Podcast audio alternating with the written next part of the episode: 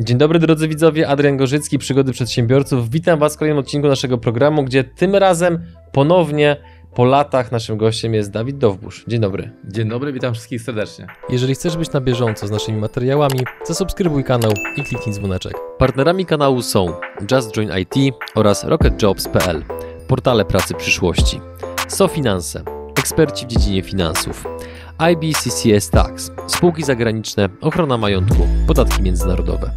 Linki do partnerów znajdziecie w opisie filmu.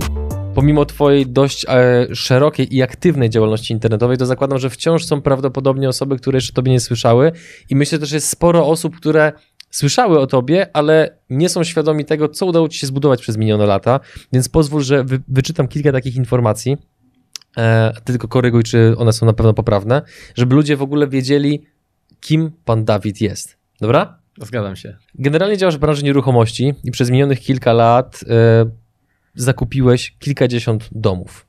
Tak jest. Najgorszy twój dom generuje ci 8 tysięcy funtów rocznie. Zgadza się. Najlepsze między 23 a 36 tysięcy funtów rocznie. Zgadza się. Kupiłeś pewnego razu pub, który przerobiłeś na mieszkania, które generują 40 tysięcy funtów rocznie. Tak, to jest e, wszystko na czysto przed podatkiem. Zbudowałeś i sprzedałeś osiedle za milion 250 tysięcy funtów. Tak jest. W ogóle te, te informacje robią tobie jeszcze jakieś wrażenie, czy nie? Wiesz co, ja dalej się czuję bardzo pokorny. E, Tutaj przed tym nagraniem o tym rozmawialiśmy, że być może mam zbyt dużo tej pokory. Aha. Z tego względu, że im człowiek więcej wie i zdobywa więcej doświadczenia, tym Mhm. nabiera coraz więcej tej pokory, e, bo jeszcze tak naprawdę nie wie, czego jeszcze nie wie, wchodząc na kolejne poziomy, tak? Mhm. Te poziomy, które dzisiaj rozpoczynamy, czyli z żoną planujemy stawianie dwóch e, bloków mieszkalnych, jeden na 20 mieszkań w centrum miasta na wschodzie Wielkiej Brytanii, drugi na 60 mieszkań w centrum, w samym centrum Sheffield.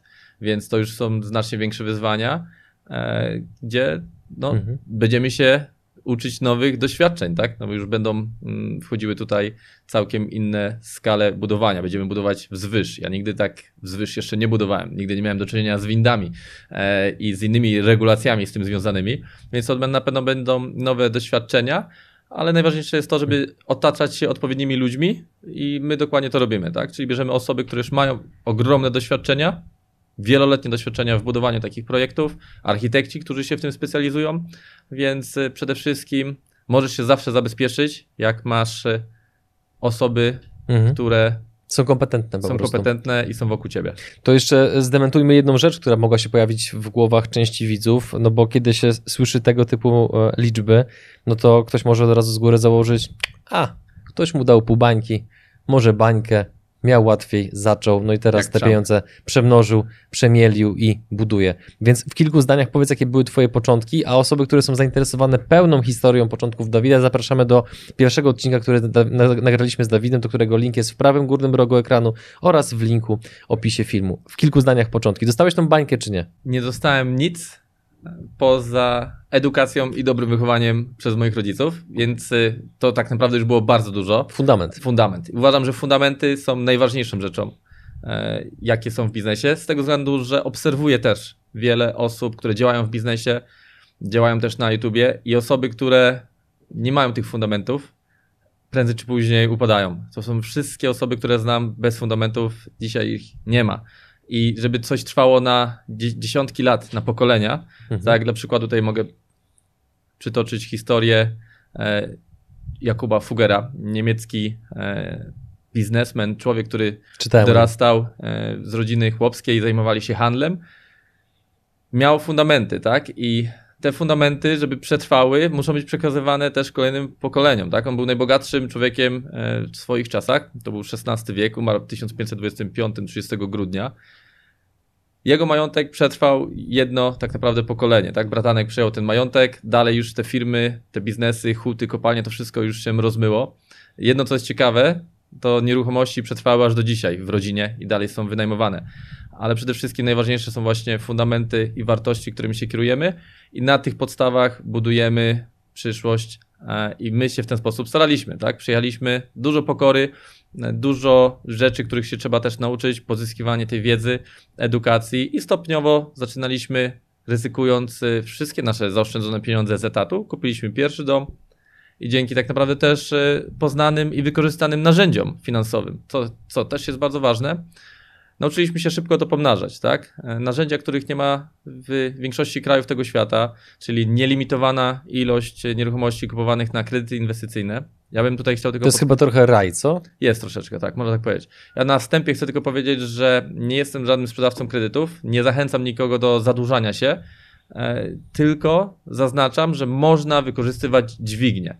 Dźwignię możemy wy, wy, wykorzystywać w postaci kredytów, w postaci inwestorów, tak? Również wielkie marki typu Tesla, SpaceX, mhm. Amazon wyszły na giełdę, pozyskiwały kapitał, zrobiły się markami światowymi, tak? Więc to nie jest tak, że ktoś sprzedaje na straganie i z tych nadwyżek tak pomnaża ten kapitał, że zostaje nagle światowej klasy firmą czy korporacją, tak? Ludzie wspomagają się dźwigniami. Tak samo robił Jakub Fugger. Wspomagał się wtedy kapitałem od książąt, kardynałów i pomnażał ten kapitał, tak, że starczało i dla niego, i mhm. dla jego inwestorów. Więc y, w naszym przypadku, dzięki wykorzystywaniu właśnie dźwigni finansowych, dobrze policzonych kredytach, szybko mogliśmy raz uzbierany kapitał pomnażać. Tak? Doszło to do takiego poziomu, gdzie odeszliśmy już z etatu i mogliśmy zacząć wspierać się inwestorami. Pierwszy mój inwestor w życiu to był człowiek, który sam do mnie przyszedł. Ja w ogóle nie miałem takiego pomysłu, nie miałem takiej wiedzy, ani takiej nawet wyobraźni, mhm. że może ktoś do mnie przyjść i powiedzieć: Dawid, ja mam za dużo pieniędzy, zajmuję się czymś innym. Czy ty byś nie chciał wziąć tych pieniędzy i na pewnych zasadach E, żebym ja na tym też zarabiał, ty będziesz sobie pomnażał majątek, a ja też coś z tego będę miał. I wtedy dostałem takiego olśnienia, w pierwszym momencie zdziwienie, dlaczego nie chcesz robić tego sam, przecież możesz to zrobić sam. No dzisiaj już mam całkiem inne spostrzeżenia. To było lata temu, to było gdzieś z 6 lat temu. Mhm. Więc. E, A co spowodowało, że on do ciebie akurat przyszedł? No bo to nie jest moja otwartość. normalna sytuacja, że ktoś przychodzi i mówi: tak Shut up and take my money and do something with it. Wiesz nie? co, moja, moja otwartość, bo przyjeżdżając do Wielkiej Brytanii, zaczynałem pracę z żoną, skończyliśmy studia, Politechnikę i Koszalińską, przyjechaliśmy zrobić tylko na wesele. Pracowaliśmy na magazynie, szukaliśmy naszej ścieżki i tą ścieżką okazało się właśnie te nieruchomości. Więc e, ja miałem taki ból, e, można powiedzieć też kompleks. Kompleks e, Polaka, który jest za granicą, przyjechał tak zwa, na tak zwany zmywak, w moim przypadku był to magazyn, i czułem się tak naprawdę trochę no, człowiekiem niższej kategorii w oczach Brytyjczyków. Więc bardzo mnie to bolało, że byliśmy tak spostrzegani. Jako człowiek, który, y, klasa ludzi, która przyjechała tutaj zmywać czy zbierać szparagi. A dzisiaj... faktycznie tak to odczu... dawali ci to odczuć, że jesteś tak, z niższej na klasy na magazynie tak, na magazynie tak. To jest praca, gdzie tam nie są ludzie, e, nie, nie, nie chcę generalizować, ale to akurat w miejscu, gdzie ja byłem, to była praca, gdzie wiele osób było takich, którzy nie wyjechali nigdy ze, ze swojej wsi nawet do dużego miasta. E, więc mieli bardzo ograniczone poglądy i rzeczywiście też spotkaliśmy się z rasizmem. E, już nie chcę wchodzić w tą historię tutaj mojego etatu. Skończyło się tak, że nawet brygadzista został zdegradowany i przeniesiony na inną zmianę, więc było takich mo wiele mocnych doznań. Więc ale my... tutaj muszę ci przerwać, przepraszam, bo niektórzy widzowie pewnie pomyśleli, no dobra, ale chociaż jeden przykład rasizmu, jaki odczułeś względem siebie. Przy, bardzo prosty przykład. E, nie mamy co robić na hali, czekamy na towar siedmiu Polaków dostaje od brygadzisty rozkaz brać miotły i zamiatać przez dwie godziny w kółko tą samą posadzkę. 15 Anglików stoi się, patrzy jak to robimy. I mhm. tylko Polacy są wytypowani. Ja nie twierdzę, że cała Anglia jest taka, bo później miałem drugi etat, gdzie w ogóle z czymś takim się nie spotykałem, a to już był inny, inny poziom ludzi, więc y, to był taki bardzo prosty przykład. Drugi przykład, jak menadżerka y, wchodzi, czy tam brygadzistka, wchodzi po schodach do biura, do głównego menadżera i z daleka krzyczy, że jak e, weźmie więcej imigrantów tutaj do pracy, to ona się zwalnia, tak? Że ona nie chce więcej imigrantów. No po prostu była ekstremalną rasistką, ta mhm. kobieta. Mhm. Ale to jest, y, nie chcę tutaj... Czyli jej niechęć wynikała tylko i wyłącznie z waszej narodowości, a nie z tego, że gorzej tak pracujecie albo tak jest. coś takiego. Tak jest, e, więc e, to był tylko taki przykład. Ja nie chcę tutaj generalizować, Jasne. bo później w przyszłości spotykałem tylko dobrych Anglików, mhm. którzy traktowali nas z szacunkiem, i rzadko kiedy się spotykałem z jakąkolwiek e, negatywnym mhm. stosunkiem do mojej, mojej narodowości. Ale to spowodowało i pchnęło mnie do tego, że zacząłem robić wszystko, żeby wyjść z tego magazynu. Więc zaczęliśmy się interesować biznesem, inwestycjami i trafiło na nieruchomości. Dzięki temu, że zaczęliśmy kupować te nieruchomości, chodziliśmy też na różnego rodzaju spotkania, takie na zasadzie. Mm, Networking, tak? można tak powiedzieć networking, ale to były takie bardzo krojone spotkania. Gdzieś w jakichś miastach się spotykała Polonia w bardzo małych gronach. To były jakieś ośrodki katolickie. I ludzie, słysząc to, co robię, zapytali mnie, czy nie chciałbym się tym podzielić. Ja mówię, że z chęcią. No i wystąpiłem raz, jak po pierwszym roku inwestycji miałem już swoje pierwsze trzy domy. I wystąpiłem drugi raz, jak już miałem, w drugim roku już miałem sześć bądź siedem nieruchomości. Gdzieś to kiedyś tam jeszcze krążyło na jakichś starych YouTubach. I bardzo otwarcie opowiadałem o tym, co robię, jak robię dokładnie, jakie koszty, jakie liczby, wszystkie pytania, jakie były zadane. Cały proces pokazywałeś. Wszystko dokładnie, od, od A do Z, tak? Bez lania jakiegoś wody, wody bicia piany e, i opowiadania pięknych historii, jak to będzie łatwo, e, jak to będzie przyjemnie leżeć na plaży, nic nie robić i będziecie sobie tylko zbierać z tego i, od, Mhm. i odcinać kupony. I dwa pytania. Skąd była twoja otwartość i czy się nie bałeś, bo to jest często myślenie wielu osób, że jak mam jakiś pomysł, bądź coś mi wychodzi, czystego- coś zarabia, to nagle ktoś mi to skopiuje, jak się tym podziela. z czystego patriotyzmu. Siedząc w, w tamtym kraju, ja liczyłem na to, że w Polsce zacznie się coś zmieniać, że Polska będzie szła w kierunku wolnorynkowym, bardziej otwartym na również na świat pod względem gospodarczym.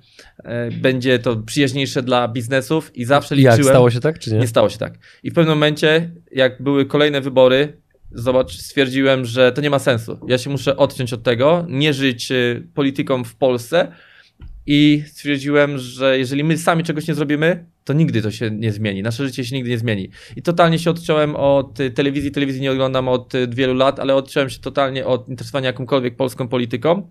Bardzo mi to pomogło i stwierdziłem, że my sami coś musimy zrobić. I teraz tak, możesz czekać, aż przyjdzie Zbawiciel, Mesjasz i nagle nas wszystkich zbawi, albo sam zacząć coś robić.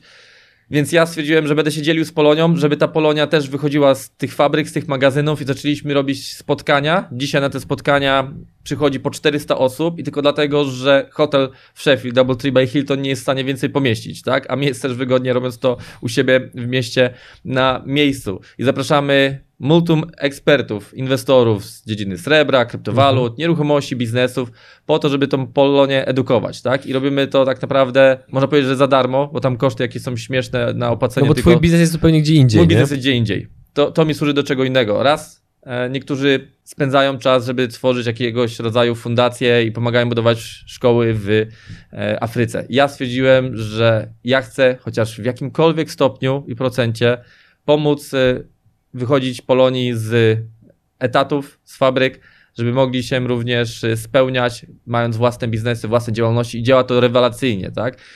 Dzisiaj e, Polacy są jeżeli nie spadli, bądź jeżeli nie, nie skoczyli na kolejne miejsce, to było kiedyś artykuł napisany by The Economist, na trzecim miejscu pod względem przedsiębiorczości i zakładania biznesu w Wielkiej Brytanii, więc mamy czym się chwalić. Ja nie lubię trzeciego miejsca, mi się źle kojarzy. Srebro, złoto to są jeszcze takie ok kolory, ten brąz to już e, nie bardzo, więc e, ja bym miał aspirację, żebyśmy my jako naród tam skoczyli na numer jeden, tak jak kiedyś byliśmy w Stanach, zanim Rosjanie nas e, zrzucili z podium.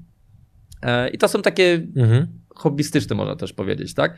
Robiąc te wcześniej te wystąpienia, właśnie ludzie słuchając mnie e, i widząc moją otwartość, jeden z Mhm. uczestników tego spotkania, siedzący na widowni, zapytał mnie, czy może mnie odwiedzić i żebym mu coś o tym opowiedział. Więc e, wtedy miałem znacznie więcej też czasu e, i nie, nie znałem tyle osób.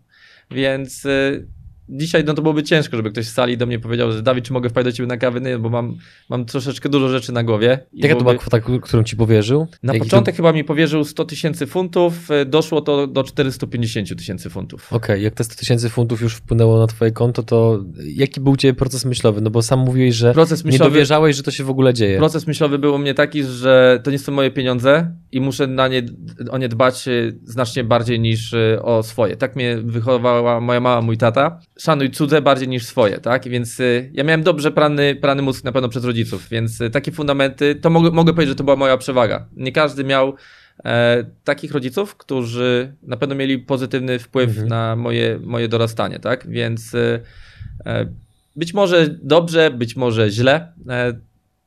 Okaże się to w przyszłości, bo z tego co widzę, e, w szczególności na YouTubie polskim, jak, e, czy nawet e, brytyjskim, nawet człowiek taki Samuel L., już nie będę tutaj mówił z imienia nazwiska, był pokazany w BBC, jakim to nie jest multimilionerem, który tak naprawdę zarabiał na naciąganiu ludzi na swego rodzaju szkolenia, po 30 tysięcy funtów i skończyło się historią, że człowiek popełnił samobójstwo w Doncaster.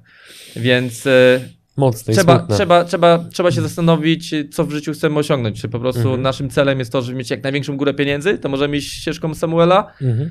i mieć nawet życie na sumieniu, a na pewno poza życiem to różnego rodzaju tragedie, bo jak y, nakłaniasz ludzi do tego, żeby brali kredyty po to, żeby przyjść do ciebie na magiczne szkolenie, które ma sprawić, że staniesz next day milionerem, no to też nie poprawiasz sobie sytuacji, tak? Mhm. Więc to pewnie wię- więcej takich tragedii jest po takich e, ekstremalnych warsztatach.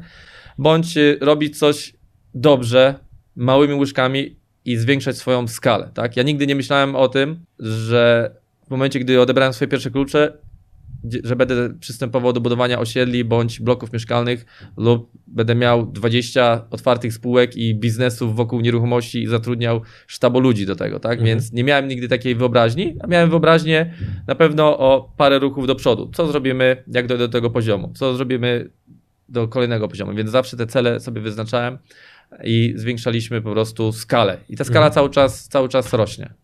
Ile masz teraz osób tak wokół siebie w tych wszystkich spółkach, które wymieniłeś? Teraz mogłoby być ciężkie, bo bym musiał policzyć, czy teraz liczymy inwestorów, czy teraz liczymy osoby, które dla mnie pracują, czy liczymy kontraktorów, bo jeżeli liczymy Mhm. ich wszystkich, to będzie kilkadziesiąt osób. Mhm. E, Samych e, doradców kredytowych używamy trzech czy czterech firm.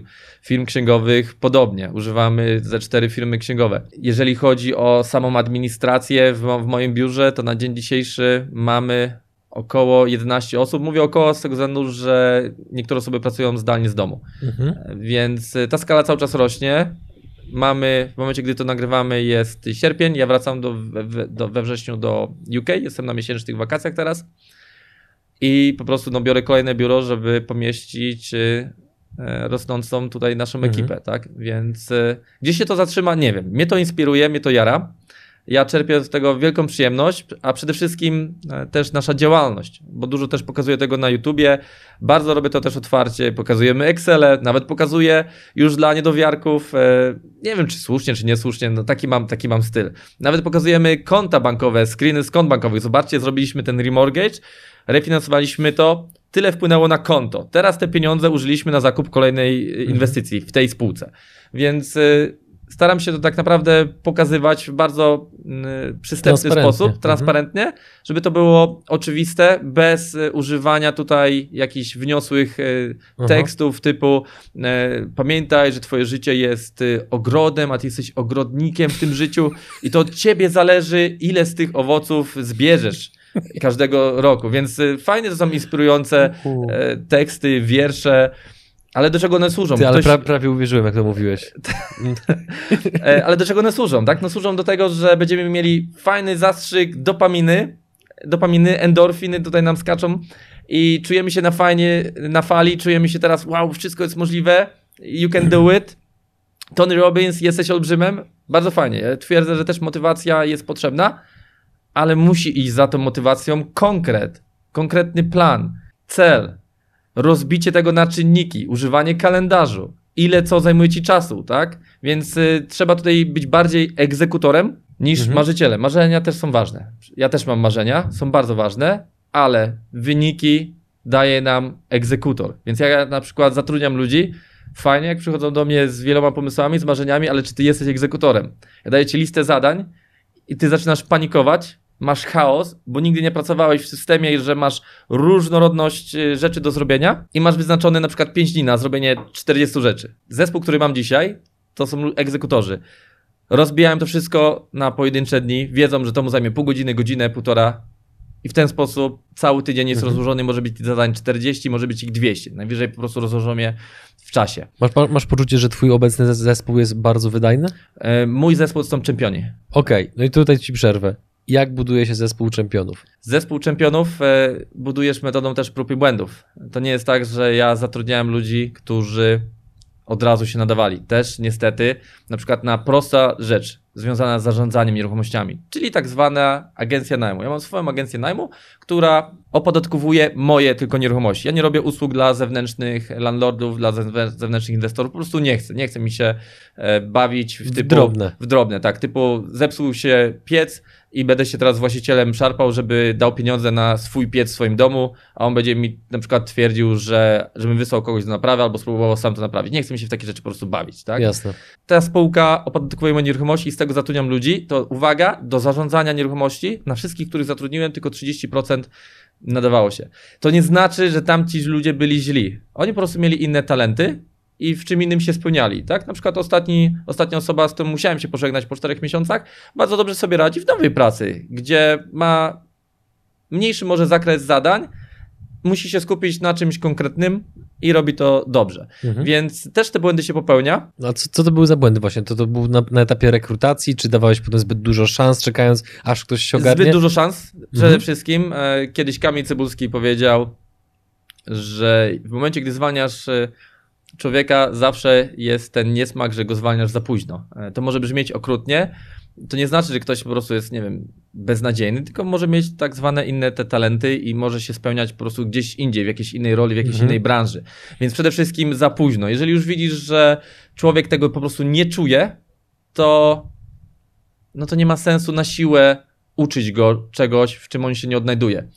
Druga rzecz, co jest bardzo pomocne, wszyscy moi pracownicy, moi czempioni, wszyscy albo inwestują już w nieruchomości, mi to wcale nie przeszkadza, bardzo dobrze, niech budują portfolio, oni mhm. mają aspiracje do tego, by się angażować w wszystko, co się dzieje, dlatego, że to ma później efekt na ich własny, prywatny majątek. Mhm. Więc ja się bardzo, bardzo z tego tytułu cieszę. Też ich tak naprawdę pokazuję na moim YouTubie, gdzie kupują sami swoje nieruchomości. Mhm. I to jest, to jest już kolejny plus, że sami chcą iść w ten biznes, sami chcą zbudować sobie własną emeryturę na przyszłość i budować ten majątek. Są zaangażowani przede wszystkim. E, bardzo ważne tutaj są sporty. Jeżeli ktoś ma aspiracje do tego, by e, dalej dobrze się prowadzić, dobrze się odżywiać, uprawiać sporty, to to mocno wpływa na moją produktywność. I tutaj e, Jakub, jeżeli oglądasz, mój pierwszy pracownik jest geniuszem. To jest człowiek po prostu geniusz Jakie zadanie mu nie dam, e, to jest e, osoba, która znajdzie na to rozwiązanie. Jest e, typową IT, zna się na sprzęcie i ogólnie na wielu rzeczach. Ale no, wybacz mi, nie dba w ogóle, jeżeli chodzi o wyżywienie i ruch. I widać to od razu, jak ma po prostu huśtawki nastrojowe, jak nastolatka, która zaczyna dojrzewać, tak? E, I to są po prostu, jest górka jest dół, jest górka jest dół. I nie ma tej, nie ma tej stabilności, nie ma e, stabilności w tej produktywności. E, no plusem tutaj jest ogromnym to właśnie, że to jest tak naprawdę, to jest taki mój geniusz, którego ja trzymam od początku.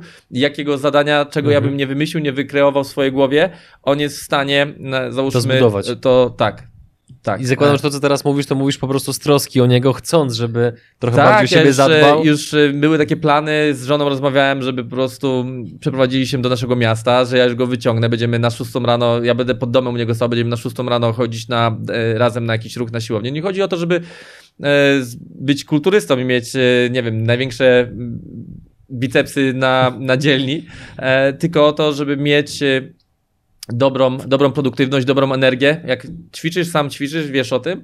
E, jak masz ruch, my dużo na przykład z żoną podróżujemy. Raz w tygodniu, w każdą środę z żoną robimy po 15 km, po 15 km w parkach narodowych. Dotleniam się, wyciszam się. Mam wtedy multum też pomysłów, nie ma telefonu, to jest bardzo przydatne pojechać gdzieś w dzicz e, i się totalnie wycieszyć. Chociaż jeden, jeden dzień. Można spróbować nawet na mhm. dłużej. To jest, polecam wszystkim przedsiębiorcom i nie tylko. E, bardzo to jest przydatne i zobaczycie z iloma pomysłami będziecie wracać. Zapisujcie te pomysły od razu, jak wam tylko do głowy wpadną. To jest ciekawe, że w takich momentach, e, ja, ja taką metaforę sobie ukułem, że w takich momentach, kiedy nie masz bodźców, to do głosu dochodzi ten cichy człowiek, który w tobie jest. Tak Ta jest. druga osoba, która jest no, siłą rzeczy mniej ekspresyjna niż ten ekstrawertyk, powiedzmy, albo ta osoba frontalna, która, którą pokazujemy światu, a ten cichy człowiek, on ma dobre przemyślenia, dobre pomysły i jak pozwolisz mu dojść do głosu, odcinając bodźce i wręcz się trochę nudząc, to nagle się okazuje, że no, kolejny genialny pomysł Tak jest. I ja dzięki takim spacerom, z jednego spaceru wracam i otwieram trzy nowe działalności, zatrudniam nowych ludzi, te działalności dzisiaj pracują i zarabiają na siebie. Więc wracając do tego dobierania zespołu, e, cały mój zespół angażuje się na przykład w nasze wyjścia. My robimy raz na 2-3 miesiące wyjazdy, gdzie wynajmujemy, załóżmy, rezydencję. Ostatnio byliśmy na mm, książęcej rezydencji, gdzie byliśmy w 20, 20 parę osób. spacery, cisza, tenis, basen, sauna i wspólnie spędzamy czas, rozmyślamy, rozmawiamy i daje im dużo swobody, dużo możliwości do wykazania się. Robimy zebrania i pytam ich o pomysły. Jakie macie pomysły? Ludzie w ten sposób angażują się w swoją działalność. Czują, że oni są częścią tego, i widzą, że tobie też zależy na tym, by im się powodziło, tak? Ja nie mam problemu z tym, żeby miał mhm. na przykład więcej płacić. Jeżeli ty wypracowujesz dla firmy więcej zysków, ja nie mam problemu, żeby część z tych zysków tobie oddawać, e, druga część zostaje, zostaje w działalności, tak? Mi zależy na osobach, które się angażują, chcą się uczyć i są ambitne. I taki mamy zespół. Prosty przykład.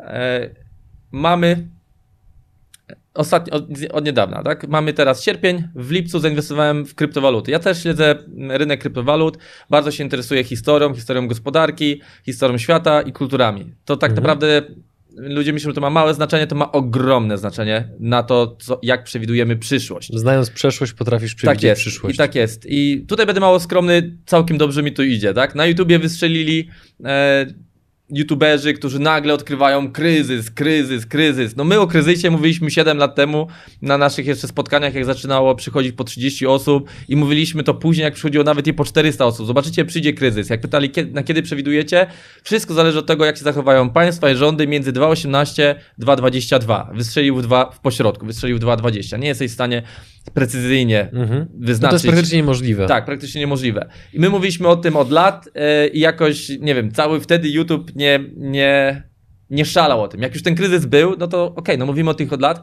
no nie będę z ciebie robił wariata, przecież mówiłem to od siedmiu lat, tak? Więc yy, wiedząc, co cię czeka i jak się zachowuje świat, mhm. to ja od razu w marcu dokupiłem sobie srebra, złota, kryptowalut. Kryptowaluty, pamiętałem, poprzednie spadki, chociaż nie jestem żadnym ekspertem w tych mhm. kryptowalut, to się otaczam jednak ludźmi, którzy się znają na swoich dziedzinach. Pamiętałem, jak kryptowaluty miały wzrost w poprzedniej hoście i spadły na, chyba to było na, na później na zimę, więc e, zachowawczo, jak już mi poszło, to trzy razy do góry sprzedałem to i też była zaraz krytyka. Czemu tak szybko, czemu tak szybko? Ale ty kiedy kupiłeś? Ty kupiłeś w listopadzie, to dla ciebie to jest rzeczywiście szybko. Ja kupiłem w marcu, jak były naj, e, najtańsze, czy tam w kwietniu, już nie pamiętam. I trzy mhm. razy więcej wyciągnąłem. I teraz na przykład... To jest dobra stopa zwrotu. Bardzo dobra. I teraz mhm. wyobraź sobie, e, niedawno miałeś tutaj jakieś kontry, e, co tu będzie z kryptowalatami, jedni, że to już nie ma sensu, że to upadnie e, i się tutaj spierają... E, mhm i jest walka pomiędzy, pomiędzy mówcami, czy kto tutaj ma rację i jak ten świat podąży. Ja w lipcu kupiłem znowu kryptowaluty i zainwestowałem 75 tysięcy funtów. Teraz musiałem zajrzeć w telefon. Jeszcze dzisiaj rano spojrzałem, już mam 260 tysięcy. Mamy 12 sierpnia i teraz tak, inwestując w kryptowaluty, to też trzeba wiedzieć, że wszystko się może popsuć. Więc ja jestem gotów wszystko stracić. Więc wkładamy taki kapitał, który jesteśmy w stanie, e, w stanie stracić i no mhm. trudno. I życie biegnie to... dalej. Ja bym odradzał, kategorycznie odradzał, bo znam takie historie, jak y, ludzie zapatrają się, to jest to, to jest ta szansa, nabiorę kredytów, nabiorę pożyczek, pójdę w jakąś tam kryptowalutę, jakiegoś tam Dascoina i nagle Dascoin upada, tracisz wszystko, zostajesz z długami, tak? Więc to jest też na pewno niebezpieczny, niebezpieczny rynek, no ale trzeba obserwować, jak działa społeczeństwo, tak? Ja kiedyś myślałem, że okej, okay, mamy YouTube, jest tyle kontentu, wartościowego kontentu, z którego możemy się naprawdę wiele rzeczy nauczyć i wyciągnąć wiele wniosków, już chyba cały ten świat rozumie, jak to działa. Tak? Bo to jest, to jest takie, wiesz, mała bańka, w której ty siedzisz i otaczasz się ludźmi, którzy też to rozumieją. Więc 100% y, osób, które ty znasz, są na tyle kumate, że raz, same prowadzą biznesy, same budują swoje zabezpieczenie, kupują nieruchomości, metale szlachetne, część dają na przykład w kryptowaluty i na, na giełdę, tak? E, ty masz tutaj ekspertów z każdych tych dziedzin i każdy się skupia na jednej mhm. ze swoich dziedzin. No my mamy taką tradycję u nas, w naszym społeczeństwie, że mamy po troszeczku ze wszystkiego e, jako zabezpieczenie.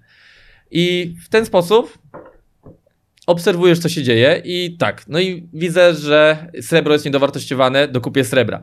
Widzę, co się dzieje, że może być na przykład kolejny, zaraz tutaj lockdown, e, dokupię kryptowalut, może zaraz sprzedam przed lockdownem, a potem odkupię znowu. Tak, to jest, ja jestem bardzo e, amatorem, jeżeli chodzi o kryptowaluty i srebrem, ale na tyle, ile A podchodzisz chyba tak zdroworozsądkowo, tak, tak przynajmniej Zdrowo, brzmi. Zdroworozsądkowo. Mhm. Na tyle, ile podchodzę zdroworozsądkowo, to udaje się tutaj tak naprawdę z każdej tych rzeczy też, też zarobić. Na czym się znam, to są nieruchomości, tak? Więc zespół, wracając właśnie do tego, mhm. ja nawet, słuchaj, technicznie nie wiem, czy bym był w stanie tak naprawdę wyszukać tych wszystkich kryptowalut, które mnie zainteresowały. Mamy jednego członka z załogi, pozdrawiam cię Kuba, młody Kuba, który mocno się zagłębił w temat. Ja mówię po kolei, dobra, przejdźmy te wszystkie kryptoluty po kolei i powiedz mi, na czym one mają swoje fundamenty. Po kolei, ta jest od tego, ta jest od tego, ta ma taki pomysł, ta ma mhm. taki pomysł, tak? Każda kryptowalut e, na czymś opiera swoją wartość. Ja mówię, ok, podobają mi się te sześć pozycji. E, i wystrzeliły mocno dwie polskie, tak? To już się mogę wam pochwalić, e, Tencent e, i MetaHero. Mhm. Na, na nich naprawdę wystrzeliło nam w kosmos, tak? My, my na początku tam nie zainwestowaliśmy w ten MetaHero i to rzeczywiście wystrzeliło, wystrzeliło w kosmos. E, czy to przetrwa, czy to będzie, wiesz, po prostu no, zwyżka, a potem sięgnie dna, no to pokaże nam przyszłość, tak? Więc też nie ma co być zbyt chciwym i trzeba znać swoje miejsce i czas, kiedy mhm. wyjdziesz z czegoś, tak? Żeby nie trzymać się czegoś kurczowo, bo gdybyś miał się trzymać kurczowo i miałbyś starą jakąś manufakturę e, produkującą, jak załóżmy w Łodzi, tak? Produkującą e, szpulę z nićmi, i byś stwierdził, to jest tradycyjny biznes przekazywany z pokolenia do pokolenia w mojej rodzinie, ja będę trwał i dalej będziemy e, tutaj te nitki kręcić, niech babcie szyją tam e, pod Białym Stokiem czy gdzieś indziej. No wypadłbyś po prostu z rynku, tak? Więc e, czas cały czas biegnie. Świat będzie się zmieniał, zmieniał się zawsze i zmienia się nadal. Więc trzeba być na bieżąco z tym, co się dzieje. No i właśnie tutaj, żeby być na bieżąco, to kolejne pytanie, mm, żebyśmy wrócili na wątek bardziej nieruchomościowy, bo krypto już tutaj nam lekko zdominowało przez chwilę dyskusję, ale to, co powiedzieć było bardzo cenne, bo to jest taki faktycznie głos rozsądku gościa, który nie jest ekspertem, ma, ma pewne nadwyżki finansowe i wykonuje w związku z tym pewne ruchy. Więc gratuluję trzykrotnego stopy zwrotu na kapitale. E, wydarzenia bieżące. Brexit, COVID co się stało? Jak to wpłynęło na twój biznes? Utrudniło? Poprawiło? Mhm. Więc teraz tak, e, mógłbym powiedzieć tak, że było PR-owo, jest zawsze kolorowo-malinowo. E, każdy problem jest okazją. Tak, każdy szansą. problem jest okazją i szansą, zgadza się. Ale no, realia są takie, że na pewno takie ruchy, przynajmniej w pierwszych tego fazach, zobaczymy jak to się rozwinie w przyszłości, były negatywne, tak? Bo Brexit spowodował to, że imigrantów było coraz mniej. Jeżeli jest coraz mniej imigrantów, e, spada zapotrzebowanie na wynajem. Chociaż obecnie i tak utrzymujemy się bezproblemowo, z tego względu, że w Wielkiej Brytanii rząd sobie by życzył, by deweloperzy budowali ponad 300 tysięcy nowych domów co roku, ale realia są takie, że tych domów przybywa ponad 100 tysięcy funtów, więc y, jest znacznie większy popyt niż podaż.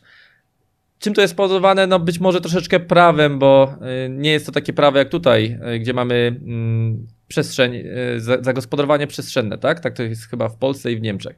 U nas mhm. rozpatrują to po prostu departamenty planningu i być może jest to zbyt wolne e, i niepewne, tak? Bo masz na przykład działkę i nie masz gwarancji, że dostaniesz pozwolenie na budowę.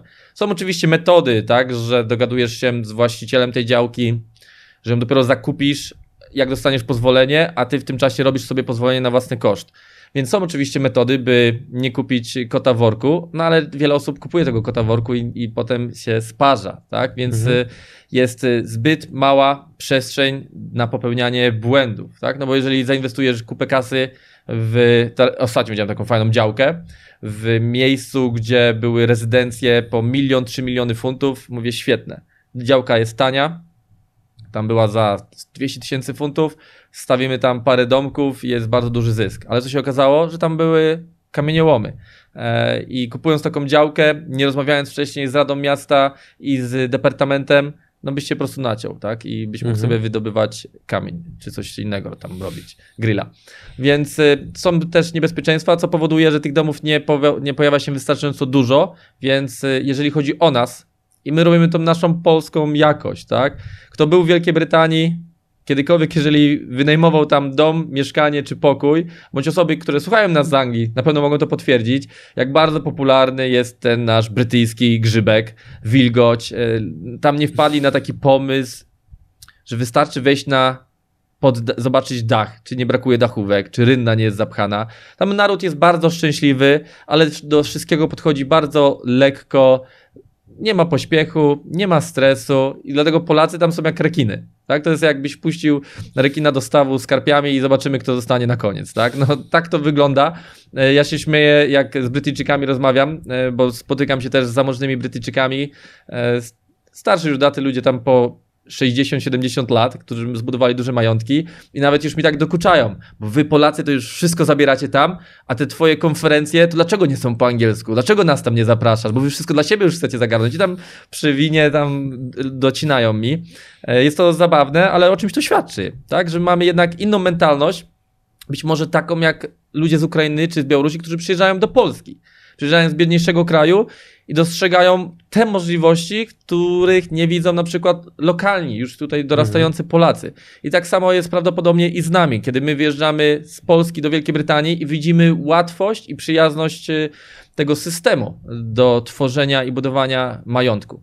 Więc y, jeżeli chodzi o sam Brexit, to na pewno spadło zapotrzebowanie. Mieliśmy znacznie mniej telefonów, co skutkowało tym, że musieliśmy zrobić marketing. Wcześniej na przykład tego marketingu robiliśmy bardzo mało, bo szło mhm. wszystko pocztą pantoflową. Teraz musieliśmy zainwestować i wrzucić parę ogłoszeń. No to nie były jakieś koszta, tam ogłoszenia to jest kwestia, nie wiem, parudziesięciu funtów i nie to wszystko, wywróciło tak? to wam biznesu. E, nie wywróciło nam to biznesu. Dalej nieruchomości były pełne, ale no musieliśmy się więcej napracować, zrobić parę postów i zrobić parę, parę ogłoszeń.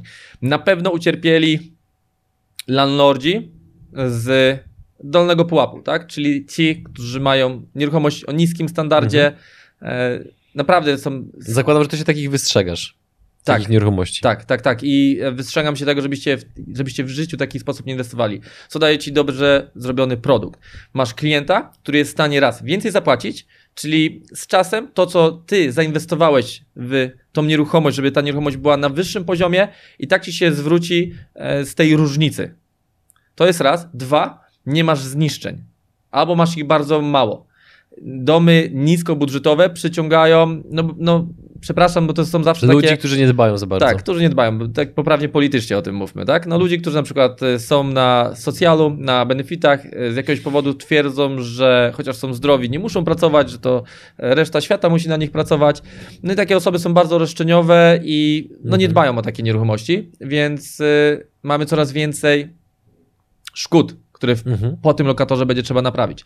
Więc y, idąc y, w dobrze zrobioną nieruchomość, wydamy więcej na nią pieniędzy, mamy raz markę i renomę, która za nami idzie, mamy dwa klientów, którzy są w stanie więcej płacić, płacą na czas i dbają o tą nieruchomość. I w ten sposób budujemy stabilny biznes, tak? Bo no, dzisiaj zaproszę cię jeszcze na obiad, to ci mogę opowiadać historię, jak na przykład są właśnie te agencje najmu, które mają tych landlordów właśnie, to czego ja nie chcę robić i zajmują się wszystkimi rodzajami nieruchomości, no to tam tak naprawdę są cuda, jak z Hollywood, tak? Daj jeszcze jedną historię, bo widzowie z nami na obiedzie nie będą, a na pewno chcieliby chociaż jedną historię usłyszeć. Ojejku, no to jak mam mówić o takich historiach z agencji najmu, to dla przykładu mój architekt pracuje też e, na etacie, dodatkowo robi po prostu e, małe projekty, ja go wykorzystuję do małych projektów.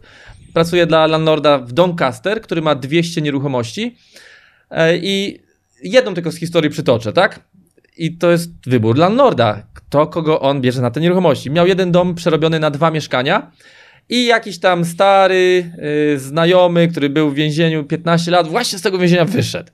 I stwierdził, że on u niego wynajmie, więc why not, dlaczego nie? Ma benefity z miasta, za te benefity będzie mu opłacał to mieszkanie. Więc prowadził się na to mieszkanie, po czym yy, zwolniło się mieszkanie na górze z jakiegoś powodu i on stwierdził, słuchaj, ja mam kolegę z dziewczyną, oni się mogą tam wprowadzić. Wprowadzili się. No i Tomek zawsze jest wzywany do takich sytuacji ekstremalnych, jak jest policja. Co się stało? No pan z góry popełnił w korytarzu samobójstwo e, i wbił sobie nożyczki w kark. Więc o takim samobójstwie jeszcze nie słyszałem. Policja chyba nie była zbyt ambitna, żeby dociekać sprawy. E, no ale ponoć się pokłócił z tą dziewczyną i sobie wbił nożyczki w kark. Sam Ja- sobie wbił nożyczki. Tak, sam sobie wbij nożyczki. No, dla każdego logicznie myślącego, no wiesz, no to jest chyba, jak już byś myślał naprawdę o samobójstwie, wydaje mi się, żebyś znalazł sobie bardziej łagodną metodę. odebrania tak, życia. tak, tak, e, metodę do skrócenia swojego życia. Więc e, no policja stwierdziła, że okej, no jak sam sobie wbił, no sam sobie wbił, tak? No nie chce mi się może dociekać i ten człowiek dalej sobie tam mieszka i o dziwo zamieszkał teraz z tą dziewczyną, no bo ktoś musiał się nią zaopiekować. E, więc e, to jest jedna z takich e, historii ekstremalnych, tak? On takich historii podobnych, że na przykład ktoś popełnił samobójstwo, mając 200 nieruchomości, takie rzeczy się dzieją. Ludzie umierają w domach. E, więc on takich historii miał już 5 w życiu. Ale jak ktoś jest w agencji najmu, no to na przykład rozmawiałem ostatnio z Kingą, to miała e, no, dwóch nieboszczyków e, w, tylko już w tym roku, tak? A mamy dopiero, dopiero sierpień. Ja przyznam szczerze, byłem tylko raz blisko takiej sytuacji, kiedy wziąłem starszego pana i pękły mu wrzody y, na żołądku i po prostu tracił bardzo dużo krwi. I to było HMO, czyli dom przerobiony na pokoje. I tenanci w takim domu, oni go troszeczkę traktują jak hotel i ludzi w tym hotelu traktują jako gości hotelowych, więc no, recepcji w takim domu nie ma. Więc nikt się do tej recepcji nie zgłosi. No, ewentualnie ktoś może zadzwonić do ciebie. I wtedy ja jeszcze nie miałem ani ludzi na etacie, sam tym wszystkim zarządzałem i to był taki moment, że czułem, że stoję nad, nad przepaścią. Jak zobaczyłem ten dom, ja temu człowiekowi życie uratowałem w ten sposób, że zadzwoniłem na pogotowie, tak? E, jeszcze lekarz powiedział jeszcze 3, 3 godziny i ten człowiek byłby już nieżywy, tyle krwi tracił. Więc e, to było naprawdę takie doznanie i teraz e, czemu ja o tym mówię, tak? Przecież ja mogę PR-owo na tym tracić. Ludzie powiedzą, o nie, to ja, ten dowóz tyle tu już nagadał, ja już nie chcę mieć nic wspólnego z nieruchomościami. No ale właśnie o to chodzi. Po to tym mówię, żeby człowiek wiedział, kogo bierze, komu wynajmuje. Jeżeli bierzesz człowieka, e, no to jest może trochę ka- taka dyskryminacja, ale są statystyki po prostu. Jeżeli bierzesz człowieka, który ma problem z alkoholem, z narkotykami, z policją, no i on powiedział, że ja już jestem innym człowiekiem. Naprawdę przysięgam ci, obiecuję, masz pieniądze na czynsz? Nie mam, ale zaraz będę je miał. No to sam piszesz się na swoją e, małą życiową tutaj e, tragedię, tak? Że będziesz e, Mhm. miał spore z tym wyzwania. Więc ja po to o tym mówię i po to też pokazuję. Też to pokazuję na przykład filmy nawet z absolwentów. Zobaczcie, zobaczcie komu wynajął Paweł, tak? Co się stało z jego, z jego domem. Pa, Paweł wynajął mieszkanie kobiecie, która zajmowała się profesją najstarszy zawód świata, tak? Więc y, nie pytając właśnie, gdzie pracujesz, pokaż mi umowę o pracę, pokaż mi miejsce twojej pracy, tak? Więc jeżeli ona pracuje, bo dzisiaj jest modne pracowanie z domu, ona też pracuje z domu, ale nie pokazała, jaka to jest działalność. No okej, ale jaką masz działalność, tak? Bo jesteś samo na przykład zatrudniony, masz jakąś działalność, pokaż, czym się zajmujesz, tak? Więc okej, e, pracuję z domu, e, no ten zawód y, nie jest y, przychylny stanu nieruchomością, jaki jest y, po odbiorze takiego domu, tak? Jeżeli ktoś taki zawód wykonuje w tym domu. I też miał dom zdemolowany, tak? Więc czy to jest błąd? Tak? I czyja to jest wina? Czy to jest jej wina? No to jest jej profesja, więc trzeba się z tym liczyć, że takie rzeczy mogą się wydarzyć. Ale to jest wina tak naprawdę landlorda, który Mhm. nie sprawdził tego lokatora i go wpuścił do domu. Więc ja jak do mnie na przykład ludzie dzwonią, dzwoni kiedyś do mnie kobieta z Doncaster i mi opowiada historię, tak? I co ona ma raz zrobić, bo ten y, lokator jest taki i taki, że to jest zły człowiek. Ja mówię do, nie, do niej, ale to jest twoja wina. I ona w ogóle w szoku. Jak to moja wina? Przecież to nie ja robię, przecież to nie ja nie płacę na czas, przecież to ja, nie, nie ja niszczę nieruchomość. Mówię, ale to jest twoja i tylko wyłącznie twoja wina. Zawsze wychodzi z założenia, że jak coś jest źle, to jest twoja wina. Są rzeczywiście zdarzenia losowe, tak? Bo, no nie wiem, e, przyjdzie powódź, to tak naprawdę też jest twoja wina, bo możesz sprawdzić sobie na e, historiach map, jak są powodzie, dokąd te powodzie dochodzą, tak? I największe powodzie dokąd dochodziły. Kupiłeś tam dom, to jest też twoja wina. Ja na przykład nie kupiłem takich nieruchomości, e, byłem blisko, ale sprawdziliśmy historię powodziową. Nie kupujemy, rok później ten dom był pod wodą. E, była jedna z największych powodzi w naszym, w naszym Yorkshire. Więc y, tak naprawdę ciężko mi powiedzieć, kiedy nie jest twoja Mhm. wina. Jako ty jesteś głową, tak? Zawsze ryba psuje się od głowy. Nie, zwala, nie zwalaj winy na ludzi, którzy są pod tobą, bo to ty ich dobierasz. Czy to jest zespół, który dla ciebie pracuje, czy to są wykonawcy, czy to są lokatorzy. To ty ich dobierasz. Wiadomo, że statystycznie na pewno zdarzają się wyzwania, tak? I to samo są u nas. Mamy, no, przy tej skali, którą mamy dzisiaj, to statystycznie, no teraz najmem zajmują się tylko moi ludzie. To od 1 do, do 3 osób y, mamy e, sytuację, gdzie musimy im powiedzieć, żeby się wyprowadzili, tak? Mhm. e, że dostają wypowiedzenia. Nigdy nie było jakichś sytuacji agresywnych. że przyjeżdżała policja mm, i, e, i Mhm. była jakaś wojna, bójki czy cokolwiek innego, e, no powiem szczerze, patologicznego.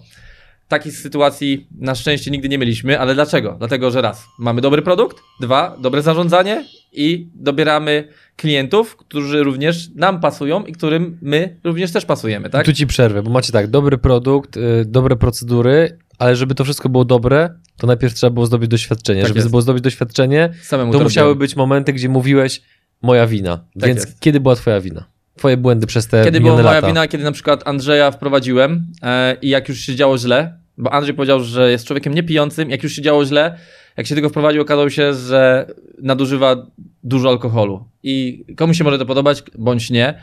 U mnie jest tak, zakaz e, picia alkoholów na e, nieruchomościach HMO, czyli tak na tych zwanych kwaterach pracowniczych, jak teraz jest to w Polsce. Czyli Jest, nawet jednego piwa nie można wypić. Możesz, ale e, zakaz na- nadużywania. Może Mhm. tak, zakaz Okej, nadużywania. Czyli okej. nie, ma, nie ma takiej opcji, że ktoś po prostu pijany gdzieś tam się przewraca. No bo Mhm. raz to jest nietaktowne, ludzie na poziomie tam mieszkają, którzy pracują w różnych branżach, od fabryki do, do lekarzy. Ale chodzi o kulturę po prostu, tak? O kulturę, o kulturę osobistą.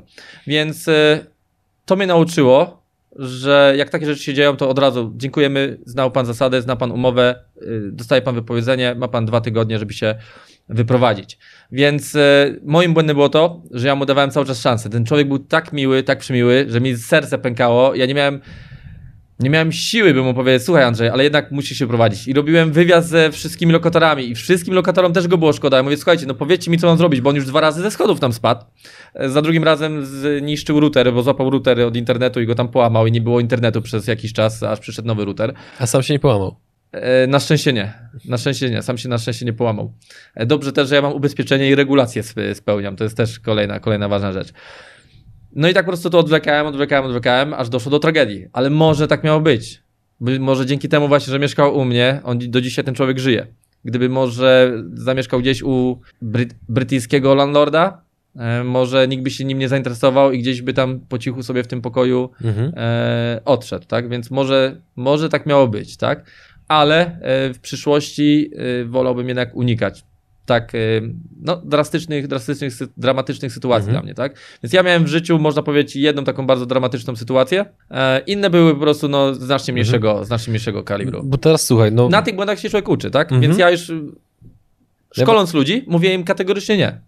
Okej, oni, natomiast teraz mówimy o błędach popełnianych w kontekście doboru, do, doboru lokatorów, a tak chciałbym też cię zapytać, jakie były błędy takie, wiesz, pod kątem inwestycyjnym, no bo zaczynałeś od e, domów, teraz masz ich, masz ich kilkadziesiąt, z, e, zbudowałeś i sprzedałeś osiedle, no to nie wierzę w to, że te procesy, one przeszły gładko i bezproblemowo, tam, tam musiały być jakieś Oczywiście, zakręty. tak. Szybko się musisz nauczyć, e, że mamy mm, złotoustych na przykład kontraktorów, którzy wszystko ci obiecają, e, wszystko dla ciebie zrobią.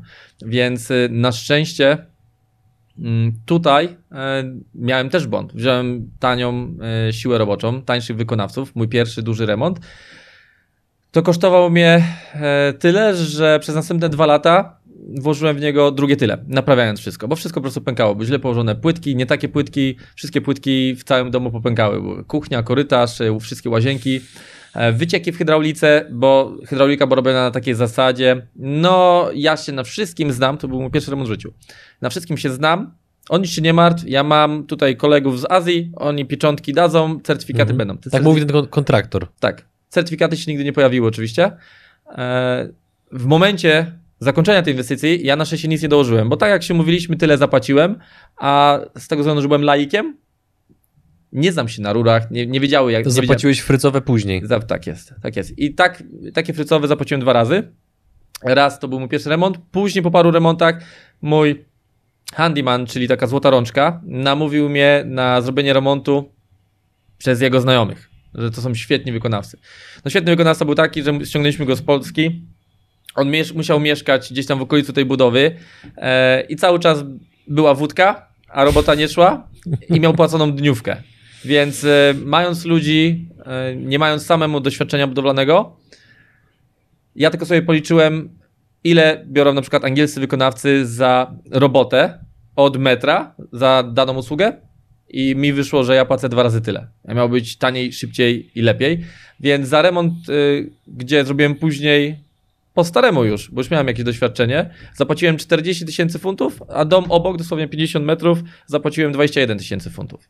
Więc Mhm. taka była kolosalna różnica na błędach i robociznie. Takie rzeczy i takie straty szybko mnie nauczyły i stworzyły procedury. Jak ja na przykład szkoliłem swoich project managerów, osoby, które mają mi remontami zarządzać, ja widziałem, jak wielokrotnie do mnie przychodzili z tymi samymi błędami, jakie ja robiłem na początku. I, I mówię, słuchaj, ja zrobiłem dokładnie coś takiego samego, zobaczysz, że to pójdzie w złym kierunku. Nie zgadza się. Na przykład mówi e, tutaj mój project manager, menadżerka, że wykonawca prosi o pieniądze, bo coś tam, coś tam. Zawsze są takie mm, tłumaczenia, bo, nie wiem, umarła babcia już po raz piąty, tak? I muszę mieć pieniądze na pogrzeb, albo coś się zepsuło. Zawsze jest jakiś powód. E, tak naprawdę no, powody są różne, bo może dlatego, że nie robił wystarczająco swojej pracy szybko i pieniądze, które dostał e, za poprzednią część, już mu się przejadły, a za coś trzeba dalej e, mieć pieniądze i wydawać, tak? Więc e, ja mówię nie, nie zgadzam się, nie, nie masz tego robić. I choć e, ta osoba już była bardzo uległa e, i była bardziej po stronie tego wykonawcy, bo tak ją oczarował, tak się skończyło koniec końców, że e, ten wykonawca poszedł y, y, w sensie takim, że go wyprowadziliśmy z tego, tak? Powiedzieliśmy, słuchaj, mamy umowę, mm, nie wiem, czy to się nie skończy tak nawet sądem, bo jeszcze tracimy czas, w umowie były kary umowne, umowne za nierobienie projektu w czasie, bo po prostu on się nie wynajmuje, nie zarabia e, i każdy tydzień obsługi to jest dodatkowy koszt. Tej, obs- tej obsługi się zrobiło bardzo dużo. E, ten człowiek po prostu rzucił piękne liczby, ale Mhm. no my się znamy na tym, tak? No jak ja na przykład mówię, że jakie mają być rurki w domu, a widzę, że rurka jest na przykład 15, miała być 22 e, i ktoś y, no, myśli, że jesteś, no...